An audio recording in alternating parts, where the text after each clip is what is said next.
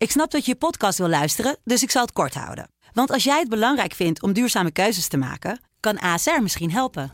Nou hoor ik je denken, hoe dan? Nou, bijvoorbeeld bij het duurzaam herstellen van schade. Of de premies die we beleggen volgens ons duurzaam beleggingsbeleid. Dat bepaalt waar we wel en juist niet in investeren. Wil je meer weten over welke duurzame keuzes ASR maakt? Ga dan naar asr.nl slash duurzame keuzes. ASR doet het. Zo, dan kan je nu lekker naar je podcast luisteren. Dit is de EK voetbalpodcast Kick-off Oranje van de Telegraaf. Met chef voetbal Valentijn Driessen, Oranjevolger Mike Verwij en Pim CD. Wat wat- moet je lachen, eh, Valentijn? Oh, lang. Ja, het is echt, Oh, lang. het is echt, het is echt, echt een uitmuntende leader. Hè? Je komt lekker in de, in de, in de EK. Maar dat was niet eens actueel. Het was niet van gisteravond. Van Nee, Oostenrijk. dit Holland, Holland is niet van gisteravond. Nee, ik heb het ook Maar- weinig gehoord, hè, Holland-Holland gisteren. Zullen we Hein eens voor een uitdaging zetten? Onze, Onze producer Hein? producer.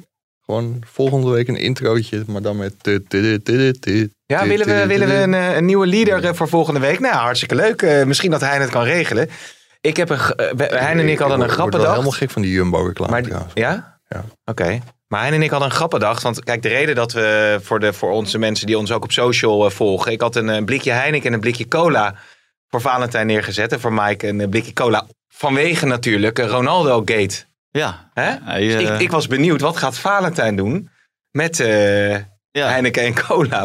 Maar kijk, Ronaldo, die zat voor... Nee, Pogba was dat. Dat was 1 0.0. Pogba, Dat was een 0.0. Nou, dit is gewoon een zwaar alcohol. Ja, klopt. Ja, dat, dat is Daar wel ook niet voor. Nee. Ja, dit, dit is gewoon één suikerbom. Want dit is gewoon cola-cola. Of nou, hoe noemen we dit? Gewone cola. Ja, ja, Coca-Cola, Ja. gewone cola. ja. Hè? En eh, ik- drink altijd... eh, nee, Coca eh, Zero. zero. Echt waar? Ja. Oké. Dus Kunnen we ik zet ze weg, ja. zo aardig Maar, eh, Ja. Maar als ze ons willen sponsoren, dan, eh, Dan drinken we alles. dan denk ik wel... Maar ik denk nog steeds dat wij meer kans maken op, op de fles eh, azijn. Om die als ja? sponsor te krijgen. Dan, ga je nou een slokje bier nemen? Oh nee. Ki- ki- Kisbeek. Ja. Willen mensen maar wel sponsoren, Heineken. Want jij, eh, is, Ja. er, zit er geen baantje voor je broer van, van ING om die naar Heineken te transfereren? Ja jongens, we gaan er weer gek in eh, deze, deze podcast eh, kick-off. Ik las eh, vanochtend wel een commentaartje van eh, Jan Driessen, de marketinggoeroe. Ja, ja. Oud-directeur van Egon. Die vond ook dat je eigenlijk gewoon spelers niet moet belasten met dit soort onzin. Flesjes voor hun neus zetten. En Nee. aan de andere kant, die spelers die profiteren er ook, eh, ook wel van. Die hebben mega, mega salarissen. Mede door de sponsoren. Dus ja, het is nou vermoeid. Laat dat flesje staan, zou ik zeggen. Maar dan krijg je dus Ja, wat... wat, wat, ik eh, wel, wat ik wel raar ja. vind is eh, in, in deze hele affaire dat de UEFA, hè, dit zijn sponsors van de UEFA, en die schuiven het eh, door naar de nationale bonden. Die moeten ingrijpen richting de spelers. Denk ik, ja, eh, het, zijn jouw sponsors. Jij moet ingrijpen richting de nationale bonden of richting die spelers persoonlijk. Als een speler wat, eh, wat roept, in dit geval Arnautovic, dan ga je een wedstrijd, ga je de tribune op. Nou, je, je kan gewoon stellen, je hebt hier gewoon niet mee te bemoeien als speler. En eh, als je dat niet wil, als je niet wil dat daar een flesje staat, ja, dan moet je niet bij, de, bij die persconferentie komen. Ja, maar dat zijn ze volgens mij verplicht als ze speler van de wedstrijd zijn Ja, geworden. nou, oké, dan, dan, dan kan hij niet eh, geselecteerd worden. Ja, eh, er zijn ook bepaalde verplichtingen die, je die je hebt. En wat Ja. je zelf zegt, Mike, ook over... eh, Er wordt een hele hoop geld verdiend en er wordt een hoop, hoop geld uitgegeven. En we kunnen een geweldig toernooi organiseren, maar dat is wel mede dankzij sponsoring. Want wat je nu krijgt dus, is bijvoorbeeld eh Jarmolenko, hè, die, eh, die reageerde als volgt toen die dus die, weer die, die, die cola en die Heineken 0.0 voor zich had. Что сделаю, ну там, я видел, там Роналдо убрал Кока-Колу, знаешь, я, я, я поставлю Кока-Колу, поставлю Хайникен, свяжитесь со мной. Ja, nee, maar, ja, maar nu versta ik er niks van. Maar ik zit net te bedenken, ik had dat social media filmpje met ondertiteling gezien. Maar ik weet nou niet wat hij precies zei. Maar goed, dat... eh, Het kwam erop neer van, eh, ik hou wel van Coca-Cola en Heineken en jullie kunnen me bellen. Dan eh, Ja. misschien een privé sponsortje. Hey, ja, d- eigenlijk wat ik ook zei. maar het is natuurlijk wel, dan wordt het helemaal een sketch. En dat is voor die sponsoren aan de ene Dat kant is natuurlijk geweldig. aandacht. Maar het mooiste was, ik vond het mooiste vond ik die bondscoach van eh, Rusland. Die bolle. Die kale. Die, die deed die twee colaflesjes zo, zo eh, die Maak je even open. Ja. Ah, was echt geniaal. Maar ja. dat was weer niet heel veel reclame voor Coca-Cola. Want die man die, eh, had een beetje mijn postuur. Wat Dus hij was dat? heel eh, gespierd, eh, uiteraard. Maar goed, laten we het eventjes gewoon over voetbal hebben, jongens. Oh, is de Want voetbalpodcast. we zijn, we zijn door naar de, de achtste finale. Mike, jij gaat naar, jij gaat naar Budapest, hè? Zeker. We komen tot de achtste finale. Ja, tot dusver heeft het spel gelijk. Maar dan moet dat het eindstation zijn. Dus Ja, ik, ja. eh, maar is, ben je, is, is er een beetje vertrouwen in het feit ja, dat, dat, dat we ook de kwart gaan halen? Dat we, dat we zeg maar, als je een beetje gunstig loopt, hè, misschien een Zweden, Tsjechië, dat je die wel kan hebben. Schotland. ja, daar kunnen we van alles over zeggen. Maar heb jij het lijstje gezien? Welke mogelijkheden er zijn Ja. voor, de, voor de achtste finale? Nou, de eerste stelling was, die wilde ik eigenlijk alvast, die geef ik dan alvast even weg. Ik kan in 15 seconden uitleggen wie Oranje kan gaan treffen in de achtste finale en hoe de UEFA dit heeft opgezet. Oneens. Ja, nee, dat kan. Vater zei eens net. eh, Ja. dus leg het even uit. Ja. eh. Er kwam net nog iemand op de redactie zeggen, kunnen we er geen uitlegvideo van maken? Serieus? Ja. Maar dat hebben we één keer met de Nations League geprobeerd, maar dat is echt niet te doen, joh. Nee, Nou, daar ik- moeten we niet aan beginnen. heb- Maar weet je, ik, ik ken wel een hele goede remedie hiervoor. Maar Dat is gewoon eh, even twee dagen wachten. Ja, precies, ja. Even dan, nog... dan, weten eh, we, dan weten we het allemaal. Of ja, Nou, ik heb hier een lijstje. En Nederland is de winnaar van groep C geworden. ja, En dat houdt in dat ze tegen de nummer drie van F komen. Dus dat is de pool des doods. ja. Als de vier beste nummers drie komen uit A, B, C en F. A, B, D Ja, en 15 F. seconden zijn om, eh Mike. Je hebt het B, E en F. A, C, E en F. En A, D, E en F. Ja. En dat zijn ze. Nou, volgens mij is het wel belangrijk dat de Turkije van Zwitserland wint, geloof ik. Ja, of gelijk speelt. Of gelijk Ah, speelt. dat is het maakt er cruciaal. allemaal helemaal niets uit. Wat Tuurlijk is er maakt nou het niet om dadelijk Duitsland? Nederland-Duitsland... Ja, dat En- begin je al en- in Nederland-Duitsland. Nou, Wat kunnen- wil je nou kan- mooier? kan Oranje- Vol stadion. Ja, eh, veel Nederlandse fans zullen ongetwijfeld afreizen met of zonder kaartje, met of zonder vaccinatie, ja. met of zonder eh, negatieve test, met of zonder PCR-test. En ook de, veel Duitsers afreizen. Want eh, geweldig, da- da- daar doe je het toch voor. Ja. Dat soort wedstrijden. Ik moet toch niet hopen dat je dadelijk via Wales en Tsjechië naar eh, de halve Maar finale... je Wilsloten eigenlijk, volgens mij zat die er nou weer net niet bij. Ja, dat kan natuurlijk ook een Nou, die kunnen theorie. derde kan eindigen. Oh ja, maar het zijn niet de niet? nummers drie uit alle pools. hè? Oh, Maar oké. wat nou als je in de achtste finale die- uitgeschakeld wordt door Slowakije? Maar Wales je- kan je toch in de kwartfinale krijgen? Ja, kan ook. Ja. misschien. Maar ehm, over Duitsland gesproken, hè? want Duitsland hebben we natuurlijk tegen Frankrijk eh, zien spelen. Zat toevallig nog eh, vanmiddag even die Nations League wedstrijd terug te kijken. Dat ze thuis wonnen en uit eh, gelijk speelden met dat briefje van eh Lodewegers of Koeman was dat hè? Die 2-2. In theorie zou dat een tegenstander moeten kunnen zijn als je dan toch tegen een topland loodt. Wat een scorebordjournalistiek dit. Portugal is een angstgekner. Dat is altijd ellende. Frankrijk is natuurlijk van, van de kwalitatief misschien het best. Duitsland is toch, toch wel kwetsbaar, toch? Verloren ook met 6-0 van Spanje volgens mij. Dus, Ja, en ze hebben geen spits. Kwalificatie, eh, of de kwalificatie hebben ze slecht begonnen. ja. Met een nederlaag verloren, volgens mij. ver- verloren van Noord-Macedonië. Dus, ja, Ja, dus in die zin. Appeltje eitje. Nou, daarom is het toch mooi. Nee, Duitsland. Dus durf je- geweldige. ga jij er dan heen als Nederland tegen Duitsland? oh, dat niet. Nee, Nee, je gaat niet, hè? Vader gaat niet, ik ga. Nee. Nou ja, dan overweeg ik het misschien wel te gaan. Ja, Ik ja. heb net eh, van onze oude chef eh, een eh, tip gekregen. Die zei van, eh, je moet gewoon eh, via Wenen gaan. En dan rij je zo de grens over. Dus eh, oké. dat is handig. Maar kijk maar uit, straks staan ze nou allemaal aan de grens te controleren dan. Maar dat, ja jongens, even over het Nederlands elftal. Eh, jij zei eh, vanochtend tegen mij, eh, Frenkie de Jong heeft eigenlijk helemaal nog niet heel veel aandacht gekregen. Bij deze krijg je nog even het podium daarvoor, eh, Mike. Want die speelde natuurlijk wel weergeloos, hè? Die speelde naar omstandigheden erg goed, vond Ja. ik. Ja. Ja, Ik vond het eh, hele Nederlands elftal wel aardig. Behoudens de voorste twee. Want het leek eh, voorin echt helemaal nergens op. nee. Maar Frenkie de Jong was, wel- ja, was wel de beste speler aan oranje, oranje zijde, vond ik. Ja, hoe die zo daar eh, doorheen dribbelde een paar keer. Ja, nou ja ik, ik heb eerder ook al gezegd. Ik vind dat Frenkie de Jong eh, dat, dat soort dribbels veel verder naar voren moet maken. En, en dan kan je echt gevaarlijk wo- worden. En dan ben je ook bezig om kansen te creëren voor je medespelers. En dat vind ik nog veel te weinig eh, uitkomen. Geloof dat Nederland drie doelpogingen had over 90 minuten. Nou ja, dan eh, moet je niet eh, zeggen dat het veldspel eh, van die orde is dat je dadelijk eh, Duitsland, Frankrijk, Engeland eh Ja, Nou, om to- toch nog, ik, kan maken. ik weet niet of eh, Hein de sirene klaar heeft staan, maar om toch nog even op dat 5-3-2 eh, systeem terug te komen. ja wacht maar. Wacht Fr- Frenkie, ja. Het 5-3-2 al.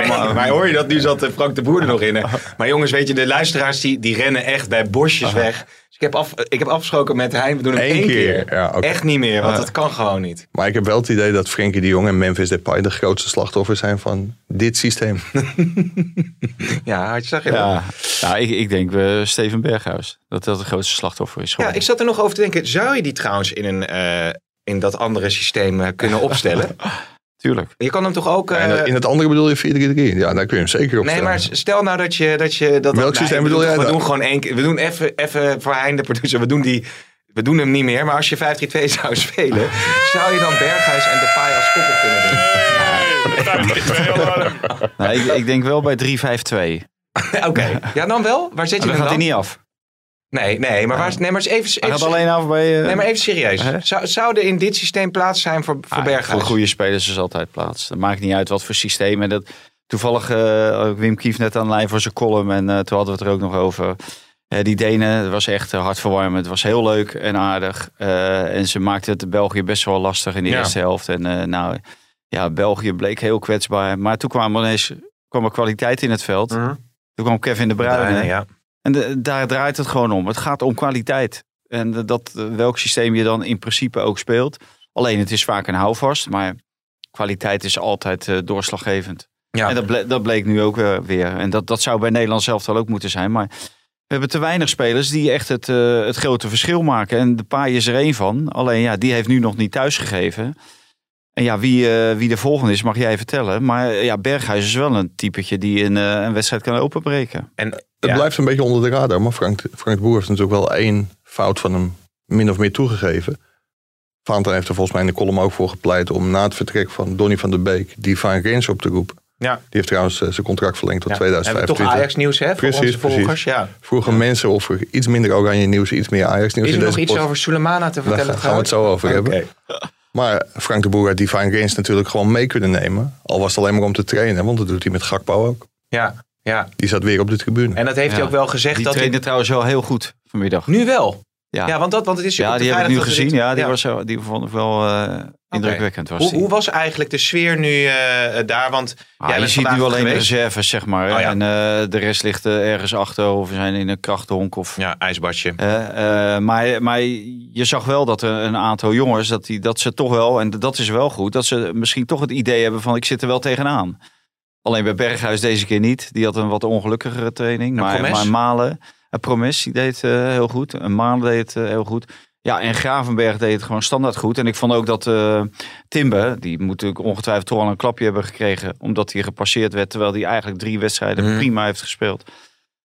Die deed het ook wel goed op, Mhm. op die, die training. Dus eh, er werd best wel, eh, wel, wel goed getraind. Ja, vond, want, vond dat Gravenberg ook uitstekend inviel Ja. tegen Oostenrijk. Echt een geweldige voetballer. ja, ja. Spe- spelers die je ook spreekt in de trainingskamp, die zeggen van eh, ze zijn nu volgens mij drie weken bij elkaar. Maar die Gravenberg is nog niet eh, op één keer balverlies eh, te betrappen geweest Nee? ongeveer. Ja, die schijnt, Geweldig, echt, schijnt hè? echt heel goed. Ja, want over balverlies gesproken, die eh, gele kaart van De Roon. Daar ging natuurlijk een beetje klungelig balverlies aan vooraf. Hè? Want hij kreeg eigenlijk de bal zelf in zijn bezit. Hij nam hem niet goed aan en moest dat corrigeren met, met een overtreding. Ja, dat, dat, dat zou Gavenberg misschien iets minder snel overkomen. Ik totaal type Maar ja, speler. dat zal dan een van de spelers zijn die waarschijnlijk tegen Noord-Macedonië niet speelt. Want met een gele kaart sta je onmiddellijk op scherp. Het zou wel heel onverstandig zijn om die wel te laten spelen. En dat is een kans die Ryan Gravenberg met beide handen moet aangrijpen. Ja. Terwijl, Ja. terwijl de Roon in de persconferentie eigenlijk wel opteerde om toch door te gaan met dit systeem. En niet te veel te, te wisselen, Ja. omdat je... Nee, ik zal, zal het niet Nee, je zeggen. hoeft het niet te zeggen. Nee. Dus eh, om, om niet te wisselen, om, om nog meer automatismes eh, te creëren. En nog verder te groeien in het systeem. Maar Dat ook qua spelers wel bedoel je? gelijk. Ja, ook voor, voor een groot gedeelte ook eh, qua spelers. Maar hij kon zich voorstellen dat hij eventueel minder zou spelen. Maar de boer had direct eigenlijk na de wedstrijd al gezegd... dat hij misschien overwoog om bepaalde koppeltjes een, een helft te laten spelen. Dan heb je bijvoorbeeld een koppeltje, had hij het over eh Frenkie de Jong de Roon. Nou ja, daarmee geeft hij ook wel aan dat hij Gravenberg, hoe, hoe goed hij ook eh, traint en eh, hoe graag eh, heel veel mensen hem ook in het elftal eh, zien, dat hij eh, niet in de basis zal starten in de achtste finales. Misschien nu wel Mhm. tegen Noord-Macedonië, maar ja, dat stelt op zich natuurlijk weinig voor, omdat zijn wedstrijd eh, die gaat gewoon helemaal nergens Ja. over. Veredelde oefenwedstrijd. Dat vond Matthijs de Ligt eh, niet trouwens. Nee? Dat was een vraag tijdens de persconferentie. Maar in feite is het natuurlijk wel gewoon een oefenwedstrijd. Ja, en dat is toch gekkig hè, om zo'n oefen- zo'n wedstrijd dan tussendoor te hebben op zo'n EK. Want nou, dan komen we weer op dat eh, verhaal van, eh, van het EK, dat ze tegen Rusland uitgeschakeld eh, raakten. Doe je Ja. nou denigrerend over mijn verhaal van vanochtend, of niet? In 2006 Nee, is nee, omdat we, ik gebeurd, het net in de video heb besproken met Valentijn. Dus dat vallen we een beetje in herhaling van zetten. Maar dat is inderdaad het punt wat je aanhaalde. Dat had ik uit jouw eh, prachtige artikel eh, gehaald, eh, Mike. Maar dat inderdaad zo'n tussendoorwedstrijd lastig is. Van wie stel je nou uiteindelijk op en wat betekent dat dan weer voor de volgende ronde. Was Ja. Woutertje het wel eens met, eh, met de zak van Mike's verhaal? Over, eh, Ik heb, ik met uh, politiek de commentator Wouter de en, Winter heb ik het even gehad over het feit dat uh, Tamara van Ark, minister van eh, Sport natuurlijk ook, en Hugo de Jong in het stadion zaten. Ja. Ja. En daar vond hij niet zoveel van eh, verder. Ik heb, niet, ik, heb, ik heb niet het idee dat hij, dat hij ook heel, heel erg de EK-koorts eh, te pakken heeft. Wel, Nee, wel- nee, ik denk wel meer koorts van... vanochtend, ook wel bij Goedemorgen Nederland. eh, Zo. Oh, ging het er weer over? Over het EK? ik denk wel dat hij koorts van de formatie heeft inmiddels. Maar ja, zo'n zo'n voetbaltoernooi, zo'n EK, dan weet je gewoon, ik ben er een maandje mee bezig en dan ben ik klaar. Maar die formatie, dat kan Ja. gewoon, dat kan gewoon een jaar duren natuurlijk. En dan is het elke week weer wie mail Ja. met wie. En dan gaat het, Ja, gaat het nou. ook over systemen feitelijk, maar dan over eh, part- welke partijen met welke moeten. Ik zeg eh, even de komende twee jaar niks meer over politiek nadat ik CDA heb gestemd. Vind je dat heel goed? Of niet? Nee, dat snap ik, dat snap ik. We gaan even naar de stellingen, jongens. Eh, Denzel Dumfries die wordt de topscorer van Oranje dit EK. Oneens. Oneens. Van Basten heeft gelijk met zijn kritiek op de licht. Eens. Oneens. De kritiek op de handschuddende koning is terecht. Eens. Eens. Oranje moet 4-3-3 spelen tegen Noord-Macedonië. Eens. Eens. En Weghorst die moet je gebruiken als pinchhitter en niet meer in de basis. Eens. Oneens. Oh, interessant. Eerst even luisteren, dat vind ik altijd het leukste. eh, zo de, da- de dag na de wedstrijd is om even BBC terug te kijken. Staat ook op YouTube voor de mensen die dat leuk vinden. Het was dit keer met eh, Hasselbank, Ellen Shearer en Ferdinand. Kijk of luisteren. En we kunnen even een fragmentje laten horen. Dat gaat namelijk over eh, Memphis en, eh, en Weghorst. He, he takes the penalty really well, but Yeah. if they want to progress Yeah. and if they want to go further, he needs to play Yeah. better. Yeah. He needs to do a lot more, and he needs to be more the man, the number ten, and carry them. Do you know what? I, I was looking at the game, and I, the number of times I said to Jimmy and to Rio, why doesn't he go and play on that last man instead of he kept coming Yeah. short all the time? And Veghorst is not gifted with a lot of pace, so I just think if that had switched and he had gone on the last man, he the one that would have gone in behind and caused them problems, mm-hmm. but never really seemed to do it. Ja, ik vat het even samen. Mike, heel, heel, heel Europa ziet het verkeerd. Ja, dus eh. Ellen Shearer die zei... waarom zet je Memphis niet gewoon meer als, eh, als die diepe spits... eh, in plaats van de trage Weghorst? En Hasselbank die zei van ja, hij moet eigenlijk veel dominanter zijn. Hij die had het weer over meer als tien. hè. Dus dat is dan wel weer een verschil, denk ik, in positionering, wellicht. Maar ja, dus jij zegt wel dat Weghorst moet blijven spelen dan, of niet? Ja, als je voor dit systeem kiest, ik kan nog, nog zeven keer kie- zeggen dat ik eh, voorstander van 4-3-3 ben. Maar ik denk dat de boer echt eh, gaat vasthouden aan dit systeem. En dan vind ik wel dat Malen het zichzelf moeilijk maakt. Dat zie je wel vaker. Dat als Malen erin komt, dan verandert er ook iets. Het is ook makkelijk invallen nadat een tegenstander in een uur kapot is gespeeld. En dan zie je dat de kwaliteiten van Malen echt geweldig tot zijn recht komen. Dus ik snap wel dat hij met Weghorst Depay begint. En dat Malen vervolgens ingebracht wordt om gebruik te maken van de ruimtes die er eh, rond dat eh, tijdstip in de wedstrijd wel gaan komen. Ja, ja. ja, ja. Dus- en ik, ik, ik vind ook, ja, ze hebben twee keer gewonnen. Dus ik, ik zie geen aanleiding om Weghorst er nu uit te halen. Hoewel hij wel heel erg matig speelde. Maar dat geldde misschien nog wel Hmm. meer voor, eh, Hmm. voor Memphis. Hm. Maar jij staat daar dus eh, Nee, ja, diametraal anders in. Ja, ik vind dit onzin, ja. Ja. Ja. je moet gewoon je beste spelers. En, en het koppeltje de paai Malen is gewoon vele malen gevaarlijker. En Malen is ook balvaster dan Weghorst. Is sneller dan Weghorst. Je kan beter met hem combineren eh, dan met Weghorst. En Weghorst moet je in de 16 moet je die eh, eh, zeg maar in stelling brengen. Nou, dat is gisteren één keer gebeurd. Toen gaf hij een breed. Ja. Nou, Malen gaf ook een bal breed op Dumfries. Buitenkant rechts. Vloeiend voor zijn voet. juiste snelheid, alles. Weghorst die geeft een breed. Die bal die stuitte er alle kanten op. En dan krijgt de paai die krijgt eh, de hoon over zich omdat hij mist. Weghorst stond trouwens buitenspel, maar dat, maar, dat, dat had Mike gezien. Maar dat, dat maakt voor de rest niet uit. Maar die, die stui, ja, met zo'n stuiterbal, daar kan je niks mee. Nee. Dus die krijgt de hoon en we, ja, daar gaat het allemaal om, die kleine dingen. En dan wordt er gezegd van, eh, ja, en de, de ruimtes zijn klein. De ruimtes zijn helemaal niet klein, want Nederland speelt helemaal niet zo offensief.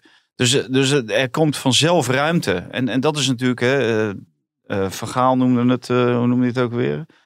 Dat, eh, dat lokken van die tegenstander. Ja, ja. Eh, Ook dat Dat is imagineren. ook een term nee. voor. Ja, ja, hoe noem je dat Het nou? lokken van de tegenstander Ja, en ja. dan... eh, Ik heb honderd keer eh, geroepen, maar eh, Ja, kom er nu niet op. Maar dat maakt, maakt niet uit. ik wil dat nog wel even horen. Maar onze producer Hein die zoekt het even puntje, op. Puntje, pressing. Wat zei je? Pressing. Nou, voor Voor- ja. Zoek Maar, eh, Change, change directions. nee, dat zei John Heitinga tegen ons. Ook, die ken ik toch niet? nee? Dat eh, Frenkie de Jong goed is in maar, eh, change dus, eh, directions. maar eh, kort gezegd, eh Malen is een veel betere spits. Ja. En die combineert ook veel beter met eh, de paai. ja. Weet je aan wie Dus- ik nou moest denken? Babel.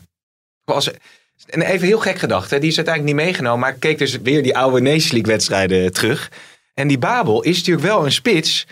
Die, is, die is, heeft wel die, die dreiging eh, qua, qua diepgang. Die is toch ook wel balvast. Nou ja, ligt goed in de groep. Scoort wel eens een goaltje. Had je toch niet Babel misschien bij die selectie moeten nemen? Want je zit nu met een, met een trage weghorst. Dat, dat loopt allemaal niet zo lekker. Eh, de Jong eh, is het nu denk ik ook wel kwijt. Want die, die komt er helemaal niet meer aan te pas. Nou, dan heb je dan Malen. Maar heel veel alternatieven heb je dan niet meer, toch? Nou, we hebben al eerder gezegd dat volgens mij in ieder geval Frank de Boer bezweken is onder de publieke opinie. En dat hij daar een weghorst heeft opgeroepen. Ja. Ik vind ook wel dat hij dat op basis van zijn, van zijn statistieken in Duitsland verdient. Zeker. Maar hij nam natuurlijk heel lang een voorschot op het selecteren van Babel. En dat hij er nu niet bij is, ja, dat is sneu voor die jongen. Maar dat, uh, ja, dat is een gepasseerd station voor. Nee, maar misschien dat Koeman daarom juist heel bewust aan die Babel ook, uh, ook vasthield. Ik vond dat ik zat daar in één keer aan, uh, aan te denken. Dus, Provocerende ja. pressing. Provocerende pressing? ja, die is toch mooi? Provocerende pressing. Ja, dus, ja. Dan, dus dat komt van Van Gaal. Ja, ja dat komt van Van Dus, van, dus dat leg is, het even uit. On, onderweg naar 2014. Nou, dat betekent dat je toch iets teruggetrokken speelt. Hè? Want Ja, maar dat is we geen wilden pressing meer, absoluut niet. Nee, daarom. Dus, oh, dus dat provocatief. Dat is dat provocatieve. Dus ja. je zegt, kom maar, kom maar, kom maar. En dan Ja. boem, Ah, ja. bovenop. Ja, Hè, dat, is, dat is de pressing. En dat eerst provoceren. Kom, kom, zo ervaar kom, ik ook een beetje die interviews met jou ervaren. Oh, als, eh, ik pro- met je vrouw. Maar, eh, maar hij wilde natuurlijk absoluut, want hij had natuurlijk heel boekwerk eh, geschreven, zijn, eh, zijn bijbel, zijn voetbalbijbel, en daar stond natuurlijk 4-3-3 in. Ja. Maar toen had hij natuurlijk een iets minder eh, getalenteerd gezelschap bij zich, Ja. vond hij. Had hij onder een Narsing, hè, die, die was daar heel goed in dan. Dus eh, ja, hij kon natuurlijk onmogelijk verkopen dat hij eh, defensief zou spelen, want dit was de grote Louis Verhaal. Want Narsing was goed in provocerende pressing. Die was heel goed in provocerende pressing, want die Oké. was heel snel daarna. Oh, En, eh, ja? ja, ja, ja. Lachen man. Ja. Nu je het toch over Van Gaal hebt. We hebben natuurlijk het, eh, Ah, we het, wel genoeg over gehad. het fameuze WK in Brazilië gehad. Waar Nederland de bronzen plak uiteindelijk haalde. En wat nou zo leuk is. Want een van de sterkhouders van dat team was eh, Ron Vlaar. En wij kunnen proberen om contact met hem te krijgen. Ron Beton Vlaar, als ik dat mag zeggen. Mag ik dat eigenlijk zeggen of eh, doe ik je daarmee eh, tekort, Ron Vlaar? Nee, dat mag je helemaal zelf weten. Dat is voor mij geen enkel probleem. Nee, nee, nee. Ik zie het, ik zie het als iets posi- positiefs, dus Ja. geen probleem. We, we kunnen hem ook zeker. bronzen noemen, hè, want het was gewoon de derde plaats op dat prachtige WK. Ja, zeker, zeker. Toen heeft Nederland natuurlijk eh, ja, het, het hele volk lang meegenomen in een prachtig toernooi. Met inderdaad die bronzen plak met de overwinning op eh, Brazilië. Maar Ron, eh, even allereerst, hoe heb jij die wedstrijd eh, gisteren ervaren tegen, tegen Oostenrijk? Nou, het was een eh, degelijke overwinning. Eh, Een wedstrijd die je moet winnen, die je moest winnen eigenlijk, kan ik beter zeggen. En eh, ja, dat, hebben ze hartstikke goed gedaan. Ik denk wel dat eh, als ik het vergelijk met de wedstrijd tegen Oekraïne, dat er toen meer energie in, eh, in het team zat en dat er iets meer flair was. En gisteren was het wat, wat, wat soberder. Dat klinkt negatief, dat, vind, dat, dat, dat bedoel ik daar helemaal niet mee. Maar gewoon zakelijk. Ik, ik, mijn ehm, ideaal zou wel zijn dat eh, de tegenstander minder de bal heeft en wij wat meer. Maar eh, ja, je hebt bijna niks weggegeven. Dus eh, ja, de- dat is hartstikke positief natuurlijk. Je zegt al bijna niks weggegeven. Je oud-collega's, de verdedigers. Ik denk Stefan de Vrij, Matthijs de Ligt, Daley Blind. Die deden het fantastisch, hè? Ja, zeker, zeker. Je zag, eh, ik kan me een tackle van eh, de licht in de eerste helft herinneren. Weet je, dat hij eh, eigenlijk tussendoor ehm, eh, de diepte inliep. Ja, het was fantastische timing. Weet je, hij schamte hem eigenlijk, maar ja, precies genoeg om, om ja, optimaal te verdedigen. En ehm, ja, Stefan, daar verwacht ik sowieso dat hij super eh, stabiel eh, eh, presteert. En dat doet hij ook nu weer. Dus dat is geen verrassing. Ja, wat vind je dan overigens van de kritiek die Marco van Basten had? Hè? Die liet bij de NOS zich nogal kritisch uit over Matthijs de Ligt. Zei van nou, hij is naar Italië gegaan om daar echt een, de volgende stappen nog te zetten. Hij vond dat hij daar nog iets in tekort schoot. Hoe kijk jij daarnaar? Nou, kan ik me niet helemaal in vinden. Ik moet zeggen, ik heb, die, ik heb die, eh, dat niet gezien wat hij erover gezegd eh, heeft. Ik heb er wel iets over gelezen, maar niet, eh, niet alles. Maar ik denk wel dat hij zich aan het doorontwikkelen is. En kijk, hij is nog steeds heel jong en, en hij ja, maakt nog steeds stappen in zijn ontwikkeling. Gelukkig. Als hij nu al klaar zou zijn, dan zou het ook niet goed zijn. Maar ja, als je ziet hoeveel ehm, persoonlijkheid hij, hij al heeft en uitstraalt. Ja, dat vind, ik, oh, dat vind ik eigenlijk alleen maar eh, hartstikke mooi om te zien. Hey Ron, je, je hebt de ambitie om ooit eh, misschien trainer te worden. Hoe, hoe zou jij zo'n derde wedstrijd aanpakken waar helemaal niks meer op het spel staat? Dat is toch de volgende stap naar de knock-out fase, naar de achtste finale die al zeker is. Zou je het elftal intact laten? Want een heleboel spelers gaf al aan graag te willen voetballen. Nou, er zijn, er zijn natuurlijk wel een paar gevaren die op de loer liggen, denk ik. Eh, want eigenlijk speel je pas over tien dagen weer eh, een echte wedstrijd die, die om het echi gaat. Niet dat komende maandag niet om het echi gaat, maar ja, je hebt eigenlijk alles al bereikt wat je wil bereiken. Ehm, ja, ik zou gewoon keihard doorknallen. En ik zou eh, het afhang, af laten hangen van met wie je start, afhankelijk van hoe iemand zich voelt. Bijvoorbeeld de licht, in dit geval kreeg gisteren kramp. Ja. Die is natuurlijk geblesseerd geweest. Het is gevaarlijk. het is echt uitpluizen wat je met hem wil gaan doen. Eh, je wil hem ritme op laten, laten doen. Eh, maar misschien eh, komt het net even te snel. Eh, het lijkt erop. En dat is puur even op, op mij, ook met mijn eigen ervaring. Dat het voor hem even overleven is om van wedstrijd naar wedstrijd eh, te gaan. Ja, je kan nu ook tien dagen pakken om, eh, om goede trainingsarbeid te, te nemen. Eh, maar goed, een wedstrijd past er eh, misschien ook wel heel goed in. Eh, maar ja, wat mij betreft eh, moet je gewoon doorgaan. Eh, een Dumfries hoef je natuurlijk niet te wisselen, weet je. Die zit in, eh, in de kracht van zijn van zijn leven en die zit boordevol energie. Maar goed, zo zullen er meer spelers zijn. Eh, het is misschien nog niet zo hoogstaand als dat we allemaal hopen of verwachten van het Nederlands elftal. Maar je hebt wel gewoon twee keer gewonnen, dus dat geeft heel veel vertrouwen. En wij kunnen er van de zijkant van alles over zeggen en over vinden, maar ik denk dat het gevoel in de groep het allerbelangrijkste is. En dat zij het geloof hebben dat zij op de goede weg zijn.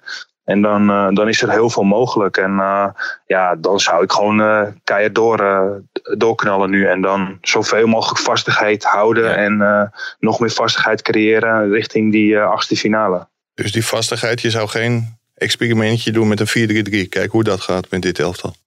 Nee, ik, ik zag ergens dat hij dat wel in zijn hoofd had. Maar ja, waarom zou je?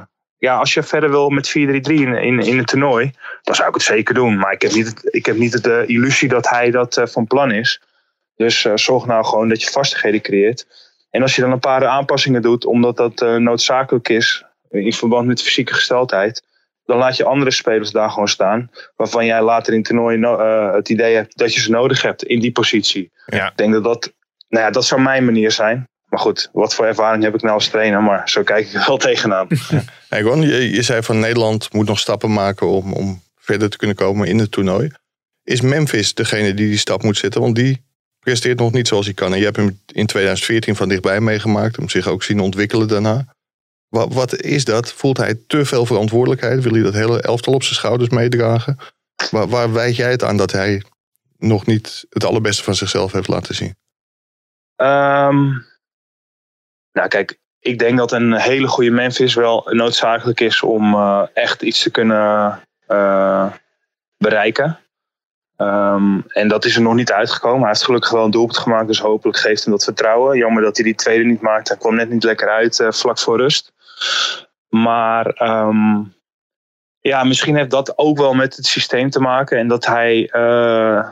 Eh, het is een uitgelezen wedstrijd, ook die derde wedstrijd voor hem, om gewoon in, een, in, in deze formatie gewoon vrij en onbevangen te gaan voetballen. Zodat hij zijn, eh, zijn eh, extra kwaliteiten die hij heeft ten opzichte van veel andere spelers, ja, te, te etaleren. En, en hopelijk kan hij die, dat, dat goede gevoel ja, terugvinden wat hij eh, in het Nederlands elftal de laatste periode wel, wel heeft gehad. En dan is hij absoluut een meerwaarde, want dan is het een constant gevaar. Ja. Ja, dan, eh, en, en dat is wel eh, heel belangrijk voor het team. Ja, zeker, zeker. Ron, en tot, eh, tot eh, slot nog even. Jij hebt natuurlijk zelf ook nog in dat 5-3-2 eh, systeem gespeeld. Eh, jij denkt ook dat dat het beste is voor dit Nederlands elftal om ver te kunnen komen eventueel? Ik vind dat lastig om Ehm, te zeggen. Nou, ik, ik, op voorhand was ik, eh, vond ik een 4-3-3 beter. Ik vind, ehm, dan kijk ik ook even naar de tegenstanders. Kijk, wij speelden in een poolfase met alle respect wel tegen de wat betere tegenstanders, denk ik. En nou ja, ik vind dat je in een 4-3-3 systeem wat meer initiatief hebt. Wat meer de bal hebt. Ehm, maar goed, je bent nu begonnen. Je hebt twee keer gewonnen. Ja, nu moet je daar ook gewoon mee doorgaan om nu ineens te, te veranderen. Ja. Kijk, dat kan in een wedstrijd misschien nog wel eens gebeuren. Eh, afhankelijk van het verloop van een wedstrijd en, en hoe een tegenstander eventueel zich instelt op het systeem eh, wat Nederland hanteert. Hm. Maar ehm, ja, ik had, ik had anders begonnen, maar nu eh, moet je hem gewoon doortrekken. Je, je kan nu niet, niet, ineens, nu, niet, niet ineens alles omgooien, denk ik. Want in principe worden de tegenstanders alleen maar sterker. En dan, dan is die, die vastigheid die je nu aan het creëren bent wel eh, heel waardevol. Ja. Ja. En hoe ver gaat Nederland komen, Ron, denk je? Nou, ik heb nu wel de overtuiging dat ze in ieder geval de kwartfinale halen. Oké. Ehm, en en ik, ja, je bent gewoon heel benieuwd als ze tegen een, een echt goede tegenstander komen. Ja, dan heeft Nederland absoluut de kwaliteit om te kunnen winnen. Ja. Ehm, alleen, ja, dat, dat, dat is moeilijk om dat nu aan te geven natuurlijk. Maar in ieder geval eh, kwartfinale. Nee, precies. We zijn, ik ben al de hele ochtend bezig rondom eh, het, het, het schema van wie kunnen ze nou eh, treffen in de achtste finale helder te krijgen. Als. D tegen E en F tegen G speelt. Maar goed, we weten zeker dat we in een vol stadion gaan spelen in Hongarije en Budapest. dat is ja, dat is wel gaaf. En jij bent er wel van aan het genieten, hè? Van dat EK zo. Ja, zeker, tuurlijk wel. Ja, goed dat, eh, kijk, het Nederlands volg je op de voet. Ik, van tevoren had ik dat misschien nog zo verwacht. Maar ja, als het dan eenmaal begint, dan zit je er gewoon weer in. En Ja. eh, daaromheen kijk je ook wel fases van wedstrijden. Misschien, eh, misschien had ik dat graag wat meer gewild. Of, nou ja, goed, het, het loopt zoals het loopt. Ik lig er ook niet wakker van, maar ik geniet er zeker van. En dat is leuk, de sfeer, het komt helemaal los. Die eerste overwinning was eh, daarin heel belangrijk. Want je ziet gelijk dat, het, dat, ja, dat er een... dat er een ontploffing aan oranje gevoel ontstaat. En dat is wel ja, wat, je, wat je nodig hebt. Dat, dat je het gevoel hebt dat iedereen erachter staat. En ja, dat geeft alleen maar heel veel energie. Nee, goed, hartstikke goed. Ron Vlaar, be- bedankt voor je tijd. En eh, wellicht spreken we elkaar nog. eh, en eh, een heel fijn EK toegewenst. Dankjewel, hetzelfde. Dankjewel, Ron. Hartstikke Goed, goed, man. Dankjewel. Doei. Doei doei. Waar was jij nou, Valentijn, tijdens dit Ik interview? goede teksten. Hè? Ik wel goede teksten van Ron. Ja, voor je? Ja. Wat, Ja, vond je zeker. wat vond je het beste eraan dan? Het beste. ja. Ja, nou, dat hij het over dat WK 2014 heeft natuurlijk het grootste gelijk van de Totaal niet over gehad. Ah, voor de luisteraars, zullen we maar eerlijk zijn hierover? Hè? Vind ik wel. We hebben dit, we hebben dit fragmentje. We, we kunnen dat zo monteren dat het lijkt alsof het allemaal eh, live is. Maar we hebben vanochtend, Ron Vlaar kon vanochtend. Dus we hebben hem toen al gebeld. En Valentijn die was eh, eh, natuurlijk naar Oranje. Ja. Dus eh Mike en ik hebben even dat interviewtje met eh, Ron gedaan. Maar het was hartstikke leuk. Ja, ik heb zitten vissen bij de Nekkermolen. Bij de Nekkermolen. Nee, Oh ja, jij was... Ilpendamse uitdrukking. is, wat, serieus? Ja. Wat betekent dat dan? Nee, dat zeg je van eh, als iemand zegt van "Kut, man, ik heb keihard gewerkt. En Ja? zegt- een ander van ja, ik heb de hele dag zitten vissen bij de Nekkermolen. Dat is in Nek, Ja. in de molen. Ja. Met andere woorden, ja, ik heb Je niks hebt, je hebt niks, je hebt lopen compenseren. Dat is een Ja, beetje, zeker. een beetje op, eh, op die manier. Oké, maar dat was dus, eh, dus Ron Vlaar. Nou ja, die ging het dus ook nog even over de systemen. Die zei overigens wel dat eh, Nederland, eh, dat hij vooraf liever had gehad dat Nederland 4-3-3 zou spelen. Maar dat ze nu dus moeten vasthouden aan, eh, aan het systeem. Maar Noord-Macedonië dus even een Dat tussendoortje. ook Ja. volgens mij. Hè? Noord-Macedonië is even, even een, even een tussendoortje. Ja jongens, achtste finale. Wanneer ga je Maar het, het, het meest interessante Ja? vond ik wel wat Ron Vlaar zei. Dat was over Memphis. Dat Nederland echt een Memphis in vorm nodig heeft. Om Ja. echt eh, potten te kunnen breken op dit EK. Ja, ja. En dat daar de wedstrijd tegen Noord-Macedonië ook natuurlijk wel heel erg voor geschikt is. Dat is namelijk Memphis in vorm proberen te krijgen. Lekker, lekker vrij uit kunnen voetballen. Niet de last van de hele natie op je schouders. Want dat heeft hij toch voor mijn gevoel een beetje. Hij is een leider, maar dat wil hij wel heel erg uitdragen. Ik denk dat hij gewoon lekker moet gaan voetballen. Dus Malen misschien dan wel eh, naast hem. Ja. Tegen Noord-Macedonië. Dat zou natuurlijk best kunnen. Gaan Ja. we afwachten. Is gewoon aanwezig weer. dat ook eh, Berghuis speelt. Ja. Want hij wil toch met iemand op de flanken, had hij het over. Nou, dat is waarschijnlijk een schoedmakertje naar Berghuis toe. Want dat is Mhm. eigenlijk natuurlijk het grote slachtoffer eh, van Ja. die hele systeemwissel. Overigens, eh, dus over de licht nog even. Dat was eh, toch wel eh, nou ja, stevige kritiek van eh, Marco van Basten bij de NOS. Die zei dat eh, de licht nog niet zo heel veel had opgestoken blijkbaar in eh, Italië. Ehm, wat vinden jullie daarvan? Van, Ja. Snappen jullie de, de, de kritiek van eh, Van Basten? Ik zat net even in ons redactiesysteem te kijken. En collega Marcel van der Kraan heeft, eh, heeft Ernie Brands gesproken. En die beloonde met een 7,5. En ik, ik, volgens mij was iedereen het er ook wel over eens dat licht echt heel erg goed was teruggekomen naast de leaseblessure. Ja. Heel erg goed speelde. Ik vond wel dat het fragment waarvan Bast op, eh, op hamerde, of op doelde eigenlijk, dat dat, eh, ja, dat, daar zag hij er inderdaad niet goed uit. Maar ik vond over het algemeen dat hij heel erg goed speelde. Dus ik vond het eh, snoeiharde kritiek op basis van één momentje. En om dan te zeggen dat iemand in Italië helemaal niks heeft geleerd, dat, Nee. eh, dat gaat een beetje, een beetje ver. Dus erg kort door de bocht. Ja, en dan zegt Ja, eh, ik de denk licht dat van als meneer zich Van Basten dat heel- zegt. Ja, ik wou net zeggen, ik denk dat eh, Van Basten zich wel een hele oude man voelt. eh, ja. als je vervolgens met eh, meneer Van Basten, meneer Van Basten wordt aangesproken door eh, eh, Matthijs de Licht. Maar eh, ja, ik, ik, kan, ik kon me er wel ergens in vinden. Ja. Mhm. ik, ik begrijp het wel wat hij, eh, wat hij bedoelt. Ik vind ook dat de Licht eigenlijk niet vooruit is gegaan de afgelopen jaren. En ja, wa- wat ik toch ja, van een verdediger eh, verwacht is dat hij op zijn benen blijft staan altijd. En dat doet hij niet. En hij is altijd zo wild. Hij is volgens mij de speler die de meeste, keer, meeste met een tulband het veld afgaat van iedereen. Ja, dat, dat, dat zegt al dat je hè, niet de echte controle hebt over bepaalde duels. Nee. En kijk, en dat vond ik met Timber wel. En ik Timber net ook weer. eh, heb ik ook op die training weer gezien. Als je ziet hoe goed die kan verdedigen op de bal. Zeg maar. Dus niet als een, als een wilde stier in iemand zijn nek beginnen te hijgen. Waardoor mensen bang worden. Hè? Want sommige mensen, en zeker spitsen, die worden bang van Matthijs de Ligt. Want er komt wel wat in je rug eh, aan. En bij Timber is er veel minder. Maar hoe zuiver die op die bal kan verdedigen. Dat is echt geweldig om te zien. Als je dat, eh, als je dat nu ook weer zag in de, in de training. En, en daarnaast heeft hij ook, eh, zeg maar, aan de bal vind ik hem beter dan, eh, dan de licht daarna. In, het, in, het, in de voortzetting. Ja, en misschien is voor, voor Van Basten is dat wel veel meer de standaard. En Mm. wil hij eh, dat, dat de licht dat ook meer brengt. En, en qua organisatie. Alleen, daar hebben we het natuurlijk na Schotland over gehad. eh, de licht is geen voorstander van dit systeem. En hij, hij begon over Italië. Maar bij Italië staat hij met vier man achterin. En nu met drie. Dus hij is geen voorstander van het systeem. Dan wordt hij in het midden gezet. Dan moet hij dus ook zorgen meer voor de coaching. Ja. Dan als je aan de linker of aan de rechterkant staat. Ja, terwijl Stefan de Vrij, die voetbalt twee jaar in dit systeem. Dus die kan je veel beter in het midden zetten. Ja. Vanwege eh, de coaching. Maar ja, de boer, die, die coach voor de snelheid van de licht. Daarom staat die centraal, omdat je dan meer kan herstellen. Corrigeren. Ja. Ja, ja, ja. Dus Nou ja, goed. En eh, trouwens, eh, Van Aanholt of Wijndal? Wat is, wat, is nou, wat is nou in het hoofd van de boer de eerste linksback voor, voor verder in het toernooi? Want hij, brengt, hij wisselt natuurlijk de hele tijd wel weer Van Aanholt met Wijndal. Ja, hij heeft voorlopig Van Aanholt daar neergezet. En die maakt, vind ik, niet, niet een hele sterke indruk. Ook tegen Oostenrijk weer niet heel erg goed. Dus ik, ik denk dat uiteindelijk als Wijndal misschien een beetje van zijn knikkende knietjes af is. En toch langzaam weer vertrouwen wint. Want het schijnt er op de training inderdaad niet heel goed uitgezien te hebben wat hij, eh, wat hij liet zien.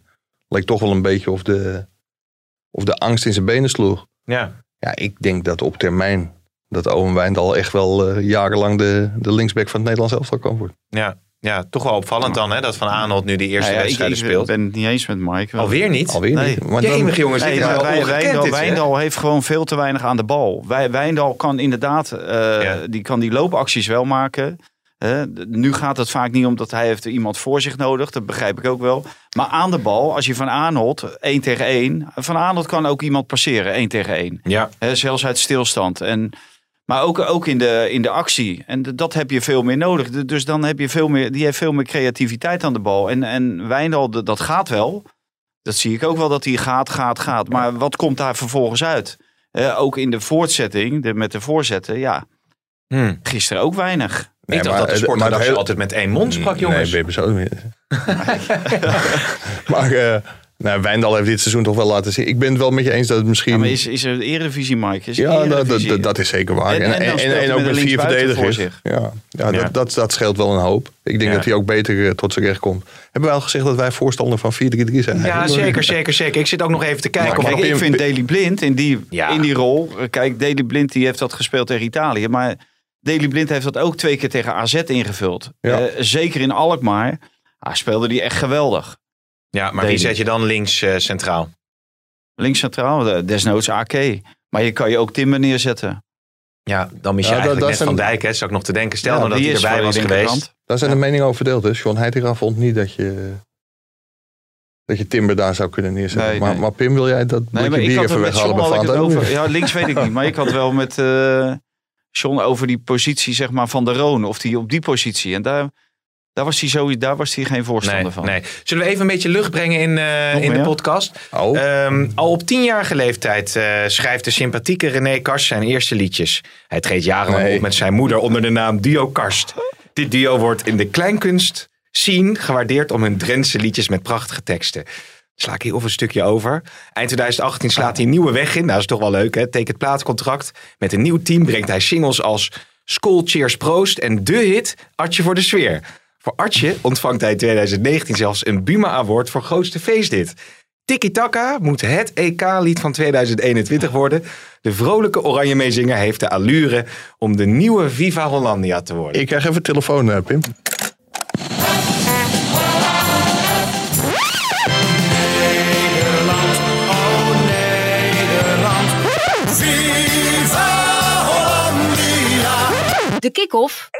Met een ferme brul van de oranje leeuw is de tegenstander zo is stil. En met het bord op schoot en een pilsje in de hand, olé, olé. Juich ik door en net en voor ons Nederland, olé, olé. En tiki-taka voetbal, tiki-taka score, onze helden door. Ik moest van hij nog even het refrein afwachten. Oh ja. ja, die zei van en go. Neem nog één slok, eh Ik, weet, ik, je weet het. zin. Ik ga er niet over. Jullie zijn de kennis. Ik zeg niks. Maar nou ga je me niet wijsmaken dat deze mensen dit durven in te sturen. Ja, dit tegen René Karst is heel, is bekend, niet hè? zelf gedaan. René Karst. Artje. Artje voor de sfeer. Artje voor de sfeer. Maar hij komt uit van. Drenthe, zei je of niet? Ja. Ja? Als je Nou, dan geef ik blijft. hem alleen voor onze collega Dennis Schalema vijf sterren. Vijf sterren. Nee, hou op. Echt waar. Oké. jij? Artje? Ja? Nee, René Karst. Eh, oh ja, René Kars. ja. Ehm, nee, twee sterren. Twee sterren. Nou, vind ik, niet. best, vind ik best aardig. Maar Mag ik- de echte, of eh, verzin jij de, al die eh, teksten Nee, zelf? die teksten eh? die, die staan echt. Ik wil nog even, wat ik dus zelf al leuk vind, is Hans Steeuwen. Want die heeft ook een eh, EK. Dat kunnen we ook nog even laten horen. Nederlands elftal, Nederlands elftal, kampioen! Hey! Nederlands elftal, Nederlands elftal, kampioen! Hey! Nou ja, enzovoorts. Ja, nou, in, in, al zijn enkelvoud Hè? is het wel... eh, Eenvoud. eenvoud, sorry. Ja, Ja. eenvoud is het wel een hele, hele sterke tekst. Ja, toch? ja, die gaat het wel om. Hans Steeuwen eh, die komt uiteindelijk tot de kern. Dus die krijgt gewoon vijf sterren, jongens, van jullie, of niet? Zeker. Nee, vier, want ik, ik verwacht mijn buurman nog. Ja, oh ja, die, die komt Oh nog ja, steeds. die- maar we, we, ja. blijven, we blijven inzendingen krijgen. Dus dat is, eh, dat is natuurlijk hartstikke leuk. Dus ze wordt allemaal eh, vervolgd. Wie verraste er het eh, meest tot nu toe op het EK? Hebben we Oh, ik, ik dacht qua EK-single. Nee, qua EK-single, ja. Ik heb het idee dat we de ultieme nog niet echt eh, gevonden hebben. Maar misschien als jij het in het stadion... eh, is er al iets trouwens wat in het stadion... eh, buiten van links naar rechts vaker klinkt? Dat je Ja, denkt die sponsor van de KNVB, die Jumbo-reclame is dat. eh. Ja, precies. ja. Maar goed, dat wordt allemaal, wordt allemaal vervolgd, jongens. Welke, Deze nou van links naar rechts op een heel... eh, op een rotonde of iets dergelijks. Op een rotonde? In Apeldoorn, dat eh, alles eh, links naar rechts... eh, Met auto's? ja, volgens mij wel Oh, iets. eh, dat moet ik dan nog eventjes, eh, dat heb ik nergens vandaan. Ja, maar neem nog een slok. eh, lekker, eh Valentijn. hey, maar even over welke, welke ploeg verrast het meest? Hebben jullie daar een beetje zicht op al? Je hebt altijd zo'n dark horse. Hè? Eh, Ik denk, dat, ik denk dat nu de namen van eh, Italië, België gaan vallen. Ja? Ja. Nee, maar eh, een, een onbekende ploeg. Hebben jullie hebben best wel wat gezien al? Nee. Onbekende ploeg. Nee. Die- Waarvan je denkt, die, die speelt leuk. Ik, ik ken natuurlijk alle ploegen, dus ja. Het Ja, is wel precies, heel ja. moeilijk om dit te... Ik vond het wel heel leuk om die Denen gisteren eh, zo goed te zien spelen tegen, tegen de Eerste helft, dat was, Ja. fantastisch hè? Was Ja. leuk.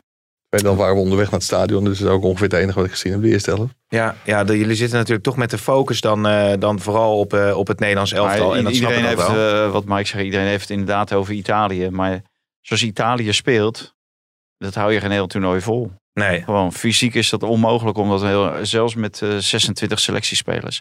Het enige voordeel is, zij zijn begonnen.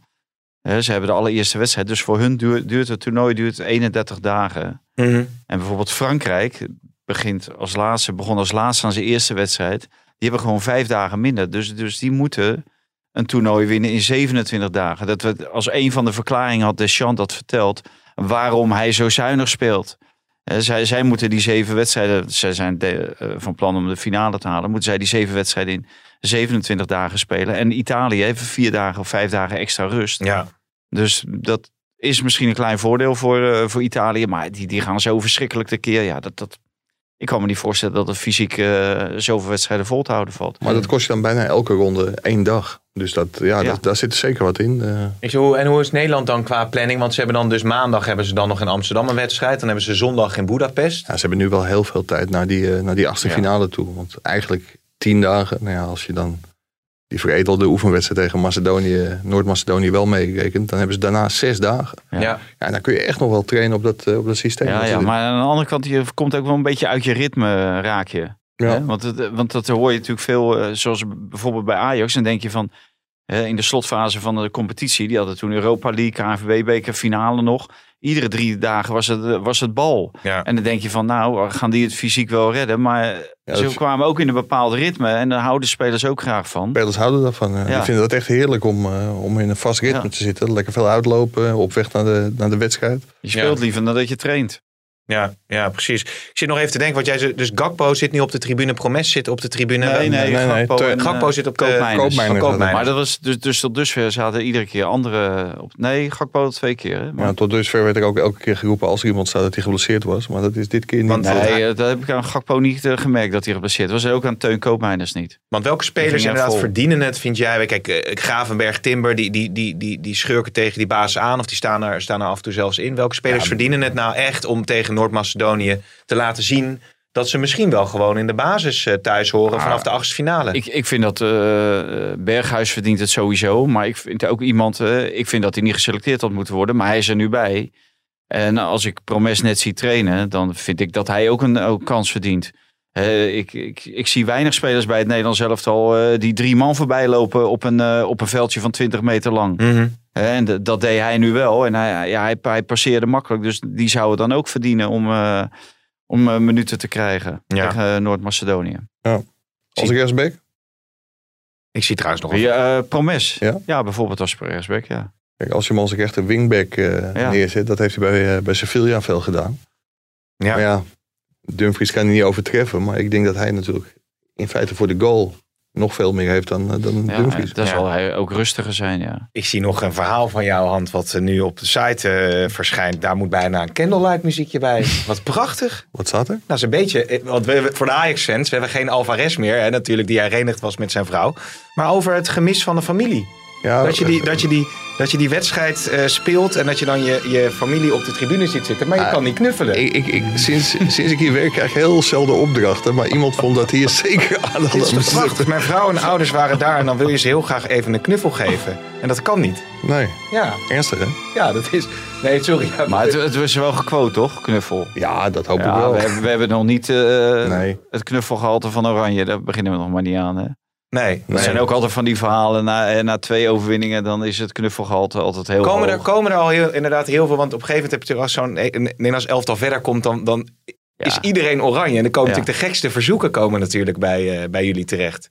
Dit is natuurlijk nog wel een, eh, nou, wel, wat dingen die misschien rondom het Nederlands elftal spelen. Of kun je niet even dat vragen? Of valt het allemaal wel mee? Nee. De kijker met Nee, schaap achteraan. ik Het blijft leef nog even bij- het blijft nog even bij de leven in mijn eigen bubbel. Dus ja, Ja, precies. zitten Ja, weinig andere mensen in. ja oké, oké. Nee, ja, ook jij bent een beetje stil helemaal nu naar... eh, Nou ja, ik ben nog steeds zwaar onder de indruk van het stuk dat, dat ik net heb zitten tikken over die knuffels. Ja, ik ga het allemaal zien jongens Maar op, eh, op de site. Het is wel grappig hoor, want dan krijg je een belletje van... hé hey Mike, kun je vier kaarten regelen voor EK-finale, WK-finale Oh verleden? Heb je die ook al gehad? En dan nou, in het verleden, dit toernooi nog niet, komt nog misschien als Nederland, bellen? als Nederland het verder komt. Ja. Dan, eh, ja. dan, eh, ja, vraag me dit- trouwens- dit, dit was een grapje voor Intimi. Dus dat, Zou het makkelijker zijn om kaartjes te krijgen met dit rare corona-EK dan, eh, dan tijdens andere grote toernooien? Vroeg ik ja, want die stadions die zitten echt tot de nok toe vol. eh, nee. Nee, maar Nee, goed, er is natuurlijk een maximaal aantal. Nee, maar goed, het zou ook kunnen zijn dat mensen toch wat terughoudender zijn in Maar het gaan nu, naar voor wedstrijden. de groepswedstrijden. Ja, hoeveel kaarten zijn er eigenlijk voor die Ja, achtste finale? voor, voor En, eh, zijn er eh, voldoende kaarten nog op de markt. Dat is natuurlijk heel anders dan eh, voorheen, waar al zwaar overboden moet worden om überhaupt eh, zo'n wedstrijd eh, mee eh, te kunnen maken. Ja. Dus dat is dan, eh, dan ook, wel weer, eh, ook wel weer aardig. Maar jij wil niks over Sulemana zeggen, want er komen dus wel vragen over Ja, Ajax d- dat is nog steeds hetzelfde verhaal. Ajax komt er met, eh, met de club Noordzeeland wel uit. En met de speler ook. Alleen het hangt op de commissie van de zaakwaarnemers. En dat Ja. is toch wel heel opmerkelijk. Die denken dat ze met Real Madrid of Liverpool of weet ik veel wat aan het onderhandelen zijn. En Ajax betaalt over het algemeen erg veel commissie. Mhm. Maar dit was zelfs Ajax te gortig. Oké, Oké, Dus had, eh, voor, wat stond er eh, op de, op de lijst vorig jaar? 36 miljoen of zo? 34 miljoen? Ja, waarbij, waarbij wel aangetekend eh, dat, dat Mark Overmars altijd zegt van hoe meer ik aan commissie betaal, hoe beter het is. Want een heel groot deel van die commissie is ook percentage bij verkoop. Want dan krijgt de zaakwaarnemer krijgt ook gewoon een, een deel van de transfersom. Maar, Dus als jij Frenkie de Jong voor 86 miljoen wegzet, ja, dan betaal je heel veel commissie. ja, Maar dan komt er ook heel Zit veel... daar nou ook die 6 of 7 procent of 10 procent van dat salaris? Zit dat, dat er nou ook bij, Mike? Nee, dat wordt er Ah, volgens mij niet, eh, dat, niet eh, bij gekregen. Maar, maar wat er ook wel gebeurt, kijk, stel speler X kost, eh, kost 10 miljoen. ja. Als je dan tegen, tegen de zaakwaarnemer zegt van, eh, het is mij een miljoen waard als je hem voor, eh, voor 6 miljoen mijn kant op kunt krijgen. Ja, ja dan eh, ja. betaal, je, betaal je een miljoen commissie en dan eh, verdien je alsnog 3 miljoen. Ja, precies. Maar Overmars is natuurlijk wel het type dat op een gegeven moment misschien zegt van ja, het is nu wel klaar. Hij heeft natuurlijk met, met on- contractonderhandelingen eh, met, met spelers van Ajax, met, met Bobby bijvoorbeeld en zo. Dan op een gegeven moment is het toch, heeft volgens mij ook toen publiekelijk, heeft hij dat volgens mij een keer gezegd van eh, dit is het. Wat Ja, maar Ajax, heeft bij Richarlison op een gegeven moment ook gezegd van het is klaar. En daar hebben ze achteraf ook heel veel spijt van gekregen. Ja. Bij Robbie hebben ze ook heel veel spijt van gekregen. Dus hadden ze misschien toch in een eerder stadium Ja. misschien iets meer moeten bieden. Ja, ik weet niet hoe dit gaat. Ik weet wel dat ze Sulemana heel erg graag willen hebben. Ja, ja. Alleen niet ten koste van alles. Zie je nog staan eh, of ze de optie gaan lichten van het contract van Martinez? Dat is misschien nog wel een aardig dingetje om heel kort te even. Heb je daar iets over eh, begrepen, gehoord of niet? Hey, en Arne Slot, Valentijn, eh ja, mij knikt nee voor, de, voor de luisteraar. Eh, Arne Slot natuurlijk een groot interview gegeven bij ons in de krant ook. Ja, ja. Wat kwam Ja, daar een beetje uit, uit naar voren voor jouw gevoel? Nou, dat, dat hij eh, ook eh, denkt dat hij met mindere spelers toch het voetbal kan gaan spelen wat hij voor ogen heeft. En dat Ja. is eh, ja, toch wel aanvallend voetbal met veel pressie, veel lopenacties. dus ja, wel heel iets anders dan wat Feyenoord nu speelt. Hij heeft Feyenoord af en toe zijn voetbal zien spelen. Dus dat overtuigt hem om te denken dat, dat Feyenoord dat voor langere termijn, tussen langere periodes in wedstrijden kan spelen. Aan de andere kant ja, hangt het ook samen met kwaliteit. Want linksom of rechtsom bepaalt kwaliteit bepaalt toch of jij uiteindelijk eh, een bepaald soort voetbal kan spelen. Ja. Zijn grote nadeel is, ehm Feyenoord begint 22 juli al, eh, moeten zij in de voorronde van de Conference League spelen. Ja, en dan is het onmogelijk voor Feyenoord om de selectie al rond te hebben, omdat Feyenoord geen geld heeft Ja. eh, om, om, zelf, om zelfstandig te opereren op die markt. Die is heel afhankelijk van bijvoorbeeld spelers die afvallen bij grote clubs, die ze misschien kunnen huren. En eh, ja, dat, dat, dat zal toch wel. Dat wordt dan eh, wel weer een heel lastig verhaal. Hè, om zo vroeg in het seizoen al een beetje een goede selectie Ja. op de been te hebben. Ja, want ze speelt tegen de kampioen van eh, Kosovo of wat, wat was het ook weer? Oh god, Ja, nee, dat weer, ja. Dus dat, dat komt normaal gesproken wel goed. Maar het Nou wordt wel, wa- wat ik heel erg interessant vind. Kijk, Dick Advocaat, die werd eh verguisd omdat hij Feyenoord heel erg defensief liet spelen. Jaap Stam heeft het geprobeerd om het op, op de aanvallende manier te doen. Die was heel snel weg. Ja, ik hoop niet dat Arne Slot eh, zijn hoofd ook zo stoot als Jaap Stam heeft gedaan. En dat dat dan uiteindelijk toch blijkt dat Dick Advocaat wel gelijk had met, Ja. zijn, eh, met zijn manier van Ja. spelen. Ja, ja. Maar ja, Arne Slot is erg overtuigd van zijn, van zijn eigen visie. En hij denkt dat ook op, eh, op Feyenoord te kunnen projecteren. Dus Wat nog goed is om even te melden als we dan de, klassieke top 3 pakken. Dat PSV Galatasaray heeft geloten hè, in de voorronde van de Champions League. Eh, volgens mij is Van Ginkel ook eh, wel vrijwel rond. Hè? volgens mij heeft hij net voor twee twee jaar jaar. getekend. Al voor twee jaar getekend nu. Dat is helemaal Ja. rond. Dus dat is mooi. Hebben jullie, willen Ja. jullie nog iets, voordat we nog even naar de koning gaan, even als uitleidertje. Willen jullie nog, willen jullie nog iets kwijt, jongens? Nou, ik, ik wil nog wel eh, Zeker. zeggen, ehm, maar dan moet ik even mijn bril erbij pakken. Maar, eh, de Eredivisie en de Eerste Divisie die gaan samen. Die gaan samen een, een league vormen. Ja. Hè, en dat, dat is natuurlijk ingegeven door de zwakke positie van de KNVB. En de KNVB moet ook eh, de belangen behartigen van deze twee leagues, zeg maar. Van de Eredivisie en de Eerste Divisie. Nou, en die voelen zich eh, onvoldoende gesteund en onvoldoende eh, vertegenwoordigd door de KNVB. Du- Dus daar, daardoor hebben ze een ander pad bewandeld. Of bewandelen ze een ander pad. En dan krijg je een league. En daar is de KNVB natuurlijk weer niet blij mee. Nee. Maar de KNVB moet echt zo ook zelf in de spiegel kijken. Want Erik Gudde gaat weg. En die heeft een hoop, een hoop dingen fout gedaan. Zeker ook in het oog van de clubs. Terwijl hij naar voren was geschoven door de clubs. Dus, maar ook Jan Smit gaat weg. Dus dat zijn twee mensen die uit de BVO's komen. Erik Gudde komt bij Feyenoord vandaan. En eh, Jan Smit, eh, dat is de voorzitter van de Raad van Commissarissen van de KNVB. Die komt bij Heracles vandaan. En die worden dan ehm, ingeruild voor twee rookies. Ehm, die mevrouw van Zeeburgia. Ja. Hoe heet ze ook even van leven? Die, ehm, dat wordt de, nieuwe directeur. Dat was aanvankelijk had ze gesolliciteerd om eh, in de Raad Marianne van Leeuwen is dat, hè? Ja. Raad van Commissarissen te komen. Nou, dat is niet gelukt. Nou, twee jaar later, eh, nu heeft ze dan eh, gesolliciteerd om directeur te worden. Is ze wel gekozen. Maar dat betekent dat eh, Dirk Jan van der Zee, die is directeur van de amateurtak. En nu iemand van C- Seburgia, die is directeur van de proftak. Maar die heeft nog nooit wat met betaald voetbal te maken gehad. En ook in de, in de rest van de top van de organisatie van de KNVB zitten heel weinig mensen met een betaald voetbalachtergrond. En Jan Smit, die wordt vervangen door Jan Albers. En die heeft dan weliswaar in de RVC van eh, PSV gezeten, jarenlang. En dat, dat is een topbestuurder in, in Nederland. Eh, maar die komt uiteindelijk, of eh, die komt uit de hockey. Ja, en dan vraag ik me af, loopt er in de totale bedrijfstak betaald voetbal dus helemaal niemand, ook niet op de achtergrond, eh, die die rollen zou kunnen vertolken.